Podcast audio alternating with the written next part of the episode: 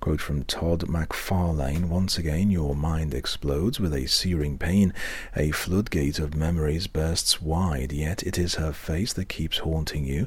Always her face. Who is she? Then things begin to crystallize. You remember your funeral, begging and pleading for someone to release you from the darkness. You're not dead. You can't be. Then you feel her presence. Warm, curring, soothing. But somewhere deep inside, she feels empty now. She has no reason, no meaning, no soul, but your soul lives, while hers is dying.